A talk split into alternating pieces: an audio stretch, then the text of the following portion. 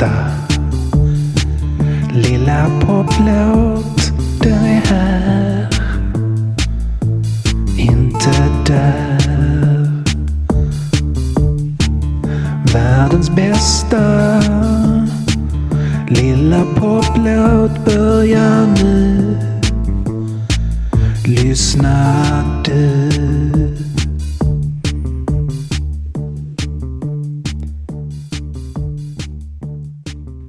Hej Shabaluba och det är dags för världens bästa poplåt. Podden som på ett väldigt inkluderande sätt handlar om världens bästa poplåt. Varenda en av dem.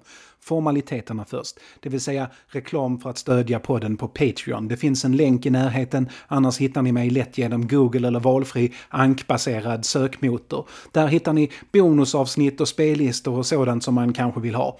Där finns också första avsnittet av en möjlig systerpodd till denna, världens bästa filosofiska texter. Nog med reklam, för nu ska jag göra något jag aldrig gjort innan. Jag ska nämligen triggervarna. Det här avsnittet handlar om Nina Simone, ni vet kvinnan som skrev och sjöng världens bästa poplåt Mississippi Goddamn. Och den handlar om rasistiskt motiverade mord och motstånd. När jag i det här avsnittet citerar rasister eller Nina Simone så kommer jag inte hålla på med en massa omskrivningar eller kodord eller liknande.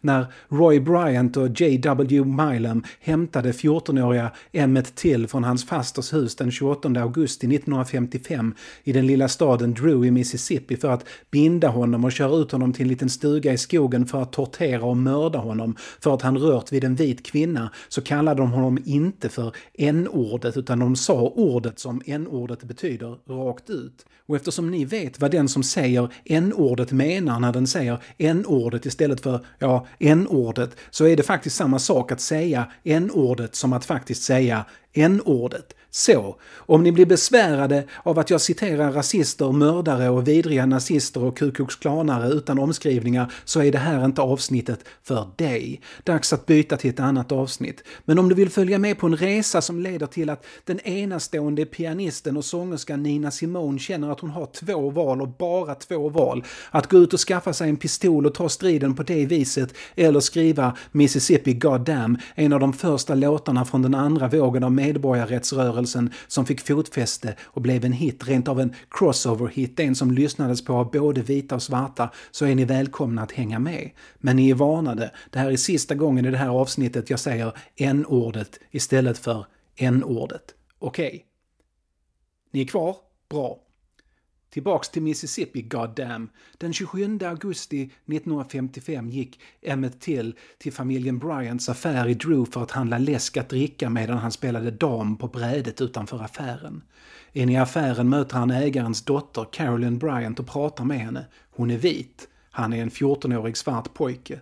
I rättegången mot hennes man som står åtalad för mordet säger hon att han tar tag i hennes arm och säger att hon inte behöver oroa sig eftersom han har varit med många vita kvinnor innan. Han släpper inte taget och hon måste slita sig loss från pojken. Sedan ska han ha tagit om hennes midja och än en gång måste hon slita sig loss. Sen säljer hon läsken till honom och går ut till sin bil för att hämta en pistol för att skjuta honom. Bryans man Roy hänger också utanför affären och hör till busvissla efter Caroline. När Till och hans vänner ser pistolen springer de från affären och hem till Tills faster. I en tv-intervju från 2008 berättar Caroline att hon ljög om precis allt under rättegången. Möjligen att Till kan ha sagt någonting till henne in i affären men troligen inte för att hon pratade inte med svarta människor. Emmett Till är försvunnen i tre dagar innan hans kropp flyter i land.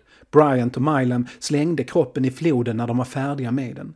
Eftersom det fanns flera vittnen som hört dem prata om att de skulle mörda den neger som busvisslat efter Caroline var det lätt för polisen att gripa dem. Det fanns gott om teknisk bevisning också. Bryant hade till exempel en hel rulle av precis det sorts rep de bundit till med liggande på flaket. Eller inte en hel rulle, exakt så mycket rep som det som till var bunden med fattades från rullen. Och det fanns blodspår och de hade inget alibi. I USA kör man som bekant med juryrättegångar och de tolv som kom att döma i fallet var samtliga vita, tre av dem stolta medlemmar i Ku Klux Klan.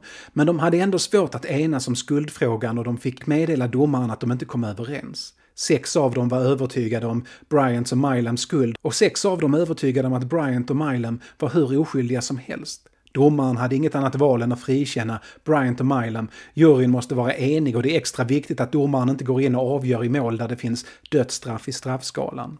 I Mississippi gällde och gäller fortfarande regeln om double jeopardy. Man kan inte åtalas för exakt samma brott två gånger. Så väl frikända kunde Bryant och Mylan tala fritt om vad som hände den där natten den 28 augusti. Och det gör de. De säljer en intervju för 4 000 dollar till Look Magazine där de utan några som helst samvetskval berättar att ja, de hämtade till, de misshandlade till och när han påstår att han var bättre på att ge vita kvinnor njutning än vad de var så torterade de honom och band fast tyngder vid hans fötter och armar och slängde ner honom i floden. Jag har inte skadat någon nigger innan, förklarar Mylam i intervjun, men jag hade faktiskt inget val. Jag gillar negrer många av mina bästa vänner är negrer, men de ska veta sin plats. De ska inte rösta, för de skaffar så många barn att de snart tar över hela kongressen. De ska inte gå i skolan med mina barn och den neger som ens pratar om att ha sex med en vit kvinna är trött på att leva. Jag gör honom egentligen en tjänst om jag dödar honom. När vi hade honom fast där i skjulet i skogen och han sa att han haft sex med vita kvinnor så hade jag faktiskt inget val. Jag och mina vänner stred för det här landet och vi har rättigheter och det sa jag till honom. Vi ska använda dig till att visa andra hur det går om man kommer hit och pratar på det där viset. Det här sa alltså Milam i Look Magazine helt offentligt och 22-åriga Nina Simone som nyligen fått sina drömmar om att bli konsertpianist krossade efter att antagningskommittén på det förnäma Curtis Institute of Music i Philadelphia konstaterat att även om hon var bland de bästa kandidaterna de hört så hade de redan en neger i skolan så det fanns inte plats för en till. Och läste, hon läste precis som alla andra i landet den där intervjun. Det blev riksnyheter. Simone, det är ett taget namn. Hon hette ursprungligen Eunice Waymon, växte upp i ett fattigt hem. Hon var ett av åtta barn i Tryon i North Carolina. Hon uppvisade tidigt en sällsynt förmåga att spela piano. Pianot var det värdefullaste familjen ägde och redan som åttaåring stod hon för underhållningen på kvarterskrogen. Hon älskade klassisk musik och folk älskade att höra henne spela klassisk musik. Så pass mycket att den lilla staden, svarta som vita medborgare, samlade ihop pengar till att skicka henne till Juilliard i New York för att träna upp henne inför antagningsproven till Curtis Institute. Det var dyrt, Juilliard är dyrt, men Simone, nu 16, njöt av varje sekund och lyckades förlänga tiden där genom att få in pengar genom att uppträda på jazzklubbar för mestadels vit publik som gav generöst med dricks. Hennes version av den gamla klassikern My baby just cares for me blev beryktad och hon spelade den flera gånger varje kväll. Visst, kul att ha en lokal hit, men det var den klassiska musiken hon drömde om. Bra är den i alla fall, den där lokala hitten.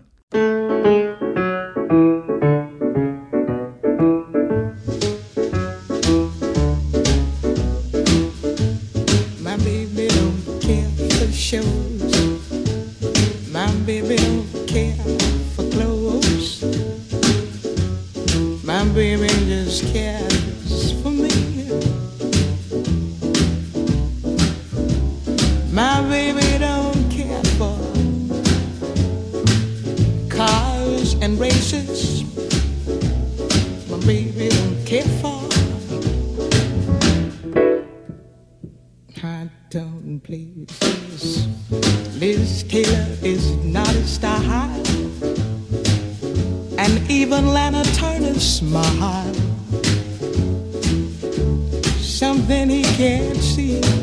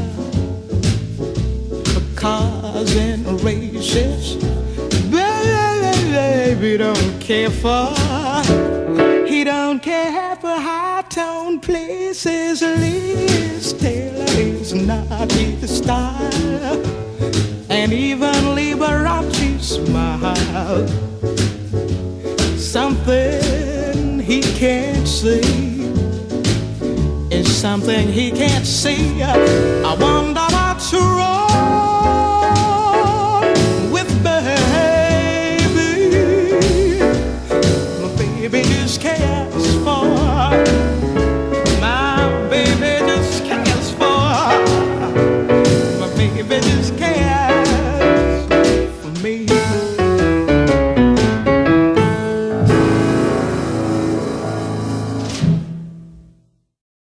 Tre gånger sökte Simone till Curtis Institute men eftersom de inte antog personer efter 21 fick det till slut vara slut där. Så Simone fick tänka om. Någon utbildad konsertpianist skulle hon tydligen inte bli men vad hon kunde bli var en jazzpianist som bakade in den klassiska musiken i pianospelet. Sätta pianot främst och blanda det bästa av två världar. Hon spelar in sin vanliga uppsättning låtar på debutskivan Little Girl Blue och den blir väl mottagen, säljer hyfsat och lyckas med konststycket att få både vita och svarta skivköpare. Det var annars bara de allra största namnen i jazzen som lyckades med det. Simone själv förklarar senare framgången med att den klassiska musiken är fundamentalt vit och jazzen är fundamentalt svart. Men när man låter det bästa från de här båda världarna mötas så blir summan större än delarna.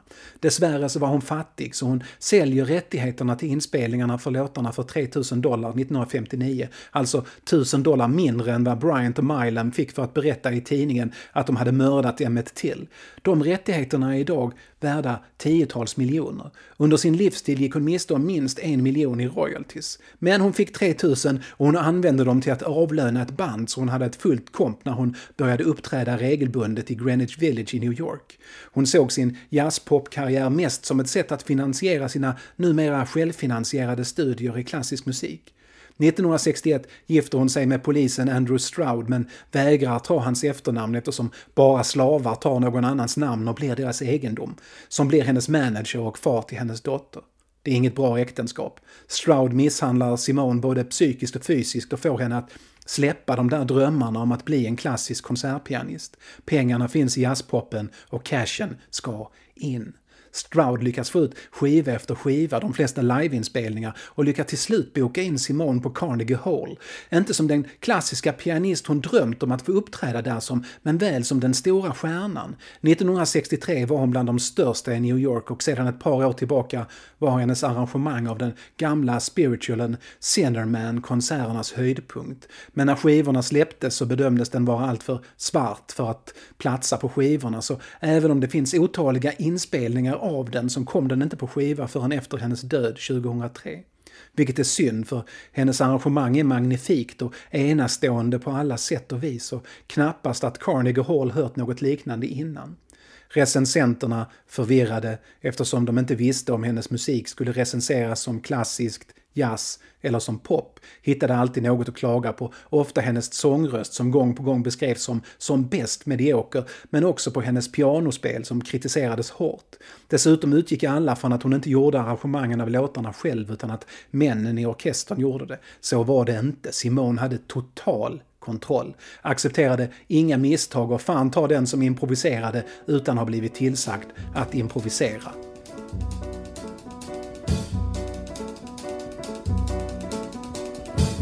Cinnamon, where you gonna run to? Cinnamon, where you gonna run to? Where you gonna run to? All on that day, will I run to the rock? Please hide me and run to the rock. Please hide me and run to the rock. Please hide me, Lord, all on that day. But the rock cried out, I can't hide you the rock right out. I can't hide you the rock right out. I ain't gonna hide you down all on that day. I said, Rock, what's the matter with you, Rock? Don't you see I need you, Rock? Lord, Lord, Lord, all on that day. So I run to the sea. It was bleeding around to the sea. It was bleeding all on that day. So I ran to the river. It was boiling around.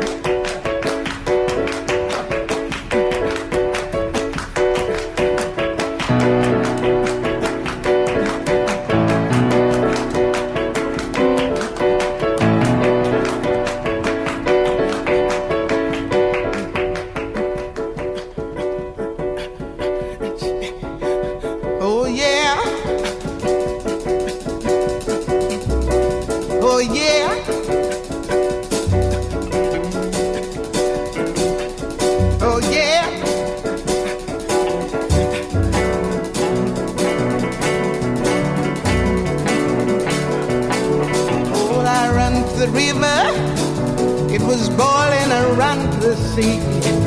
It was boiling around the sea. It was boiling.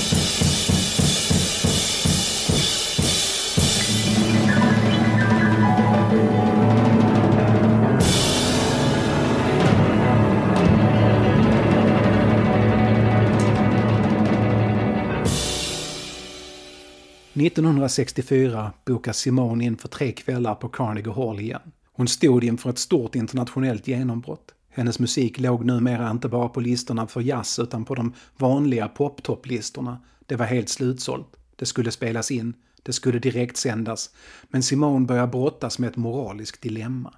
För nu har hon publiken. Hon vet hur man trollbinder den, får den att äta ur hennes händer och att de lyssnar på varenda ord hon säger och sjunger. Har hon inte då ett ansvar för att säga något viktigt? Något om det växande motstånd mot segregeringen av vita och svarta som fortfarande sker i hela USA men i södern i synnerhet. Eftersom hennes publik dessutom till hälften består av vita människor kanske de behöver höra de här berättelserna. Som till exempel den om hur de som lynchade Emmett Till inte bara frikändes utan senare skröt om hur de hade mördat honom. Den 15 september 1963 spränger fyra medlemmar i Ku Klux Klan 16th Street Baptist Church i Birmingham, Alabama och dödar fyra barn och skadar 22 andra. Polisen är helt ointresserad av att utreda, men händelsen blir ett startskott för den andra vågen av medborgarrättsrörelsen. Och nu når den framgång även hos lagstiftarna. Antagandet av The Civil Rights Act skyndas på och Martin Luther King Jr uppmanar att möta våldet med kärlek istället för hat och pratar om icke-våld som lösningen, men också om att protestera med alla andra till buds stående medel. Med The Civil Rights Act i ryggen lovar de vita politikerna att förändringarna kommer, men säger också att ni måste ha tålamod. Det kommer ta tid att ändra hur människor tänker, även om alla numera även formellt är garanterade samma rättigheter och friheter. Go slow, säger man. Vi är alla lika, men kräv inte att det ska bli så direkt. Go slow. I juni 1963 skjuts medborgarrättskämpen, författaren och talaren Medgar Evans till döds utanför sitt hem. Han hade just kommit hem efter en månad lång föreläsningsturné och hans barn och hans fru väntade på honom i hallen.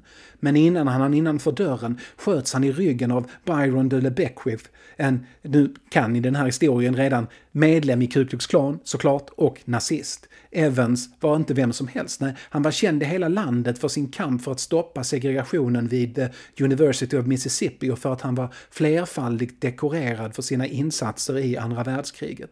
Hans familj hörde skotten och rusade ut och körde i ilfart den fortfarande levande Evans till det närmsta sjukhuset, men de vägrade ta emot honom eftersom han var svart. Det dröjde nästan 50 minuter innan en av sjukhusets chefer kände igen Evans och släppte in honom på sjukhuset, men det var för sent för att rädda hans liv. Nästan 5000 människor deltog i marschen till hans begravning. Den här gången kunde polisen inte göra annat än att faktiskt utreda fallet och det här var i Mississippi och inte i Alabama som, som sprängningen av baptistkyrkan. De kunde snabbt hitta Della Beckwith eftersom han inte hade vett att låta bli att skryta om vad han gjort. Han hade kvar revolvern också och vittnen hade sett hans företagsbil på brottsplatsen och sett den lämna brottsplatsen i en hast direkt efter skotten. Den första, helvita juryn kunde inte enas i skuldfrågan men domaren vågade inte frikänna så han beordrade en ny rättegång med en ny jury. Men i den andra rättegången blev Beckwith frikänd. Han skulle komma att fällas när ny bevisning tillkommit 1994 och fick sitta i fängelse de sista nio åren av sitt liv. Men det visste inte Nina Simone när hon nåddes av nyheten om frikännandet 1964. De mördar oss, tänker hon. De vita mördar oss och blir inte straffade för det. Och sen skryter de om det. Det är livsfarligt att vara svart i det här landet. Det är vi som blir mördade, men det är de svarta pojkarna de slänger i fängelse. Antingen går jag ut och köper en pistol och åker ner till södern och börjar skjuta vita, eller så skriver jag in all min ilska i en låt. Lyckligtvis valde hon det sistnämnda. Mississippi Goddam framförs och spelas in för första gången på de där konserterna på Carnegie Hall inför en mestadels vit publik. Hon skojar lite med den för att liksom inte alienera den helt, men budskapet är glasklart. Mississippi för in i helvete. Hon har fått nog. Nog av dessa ständiga påbud om att skynda långsamt, att vänta på förändringarna och det skriver hon nu med illa dold bitterhet in i låten. Ni behöver fan inte bo bredvid mig men ge mig mina jävla friheter nu, inte sen, nu. Men hon lyssnar också på Martin Luther King, såklart. Hon är troende, även om hon skriver att hon inte tror att det räcker med böner längre, men King har bra argument för varför icke-våld är den enda vägen framåt. Förr eller senare så kommer vi behöva leva tillsammans, svarta och vita, och då kan vi inte ha en historia med raskrig bakom oss. Vi måste hitta plats i våra hjärtan för förlåtelse, och Simone accepterar det, för att hon förstår det. Det är ju fullständigt logiskt. Mississippi Goddamn blir en jättehit och får ett enormt genomslag. Den talar klarspråk på ett sätt som amerikanska politiska låtar dittills inte gjort och den klättrar på topplistorna. Detta trots att den helt bojkottas i fyra sydstater, inklusive Mississippi, och skivbolaget får tillbaks låda efter låda med sönderbrutna skivor. Låten gör Simone till stjärna i hela USA och Frankrike. De har också en brutal kolonial historia och hon avslutar nästan alltid sina konserter med den. Och så var det tänkt att vara även på konserten den 7 april 1968 när Simone så verkligen stod på toppen av sin karriär. En konsert som dessutom skulle direktsändas i radio över större delen av landet. Den fjärde sköts Martin Luther King Jr till döds. Drömmen är död, konstaterar Simone för sig själv. Och konserten blir till en minneskonsert till King. Hennes basist skriver låten “Why the King of Love is Dead” som växer till en svit på 15 minuter om hur King och hans ord och hans politik och hans teologi påverkat och påverkar och hoppas påverka in i framtiden. Men när tonerna från den, den är otroligt vacker, klingat ut tycker Simone att Visst, sentimentalitet och så är bra, men hon är inte bara i sorg och chock, hon är också fly, jävla förbannad. Så hon flyttar Mississippi Goddam till direkt efter sviten, bland annat för att försäkra sig om att den ska komma med i radiosändningen. Och hon gör det med sådan återhållen ilska när hon framför den att man bara på rösten hör hur det kokar inuti henne. Trots ilskan ger hon den allt, pianot är perfekt, sången är perfekt. Men kronan på verket, hennes hälsning till publiken och hennes kommentar till Martin Luther King Jr sitter som ett perfekt slag i magen på alla som lyssnar på hyllningskonserten. Miljontals amerikaner. I ain't about to be non-violent honey. You love. And of course, a couple of years ago,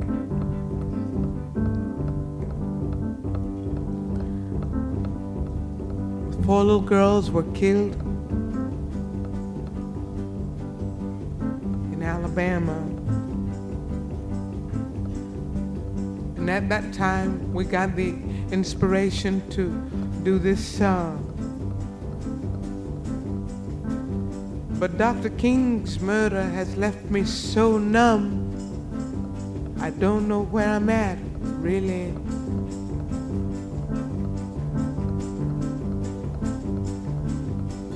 And of course, you heard this song that was composed by Gene Taylor, especially for today.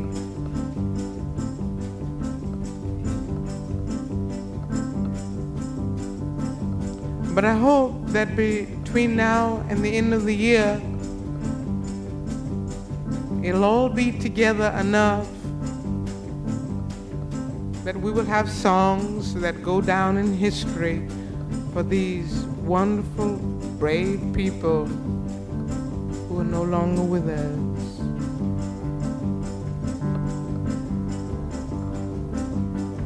Alabama's got me so upset. Tennessee made me lose my rest. Everybody knows about Mississippi, goddamn. Alabama's got me so upset. Lurleen Wallace has made me lose my rest. Everybody knows about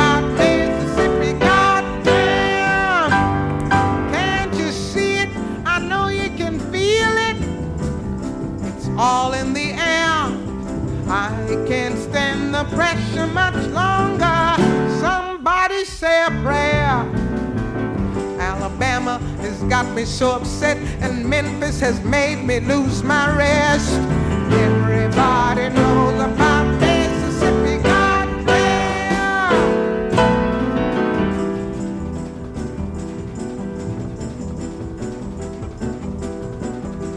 Hound dogs on my trail, little school children sitting in jail. Black cat crossed my path. I think every day's gonna be my last. Lord have mercy on this land of mine. We all gonna get it in due time. Cause I don't belong here, I don't belong there. I've even stopped believing in prayer.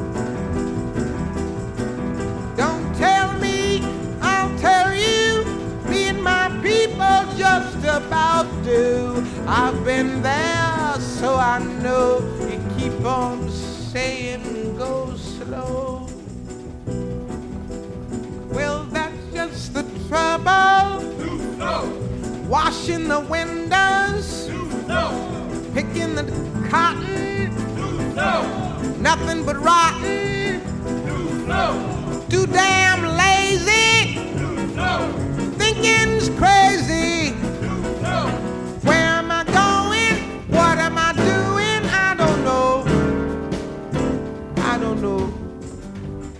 try to do my very best. Stand up, be counted with all the rest, cause everybody knows about Mississippi, goddamn! Now you heard him. He's one of you. If you have been moved at all, and you know my songs at all, for God's sakes, join me. Don't sit back there. The time is too late now. Good God. You know, the king is dead. The king of love is dead. I ain't about to be nonviolent, honey.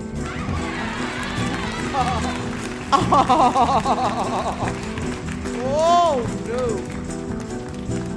Picket lines, school boycotts. They try to say it's a communist plot, but all I want is equality for my sister, my brother, my people, and me. And I loved him because he believed it. He lived by it.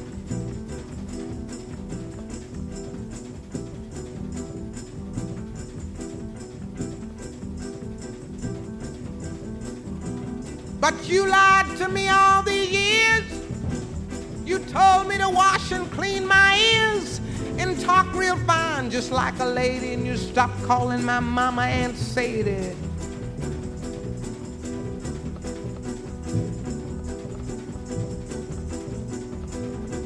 Hear me now.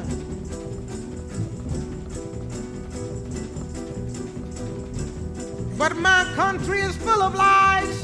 We all gonna die and die like flies. I don't trust nobody anymore. Keep on saying go slow. That's just the trouble. Desegregation. Mass participation. Unification. Do things gradually more tragedy. Why don't you see it? Why don't you feel it? I don't know. I don't know. You don't have to live next to me. Just give me my. Cause everybody knows about Mississippi. Everybody knows.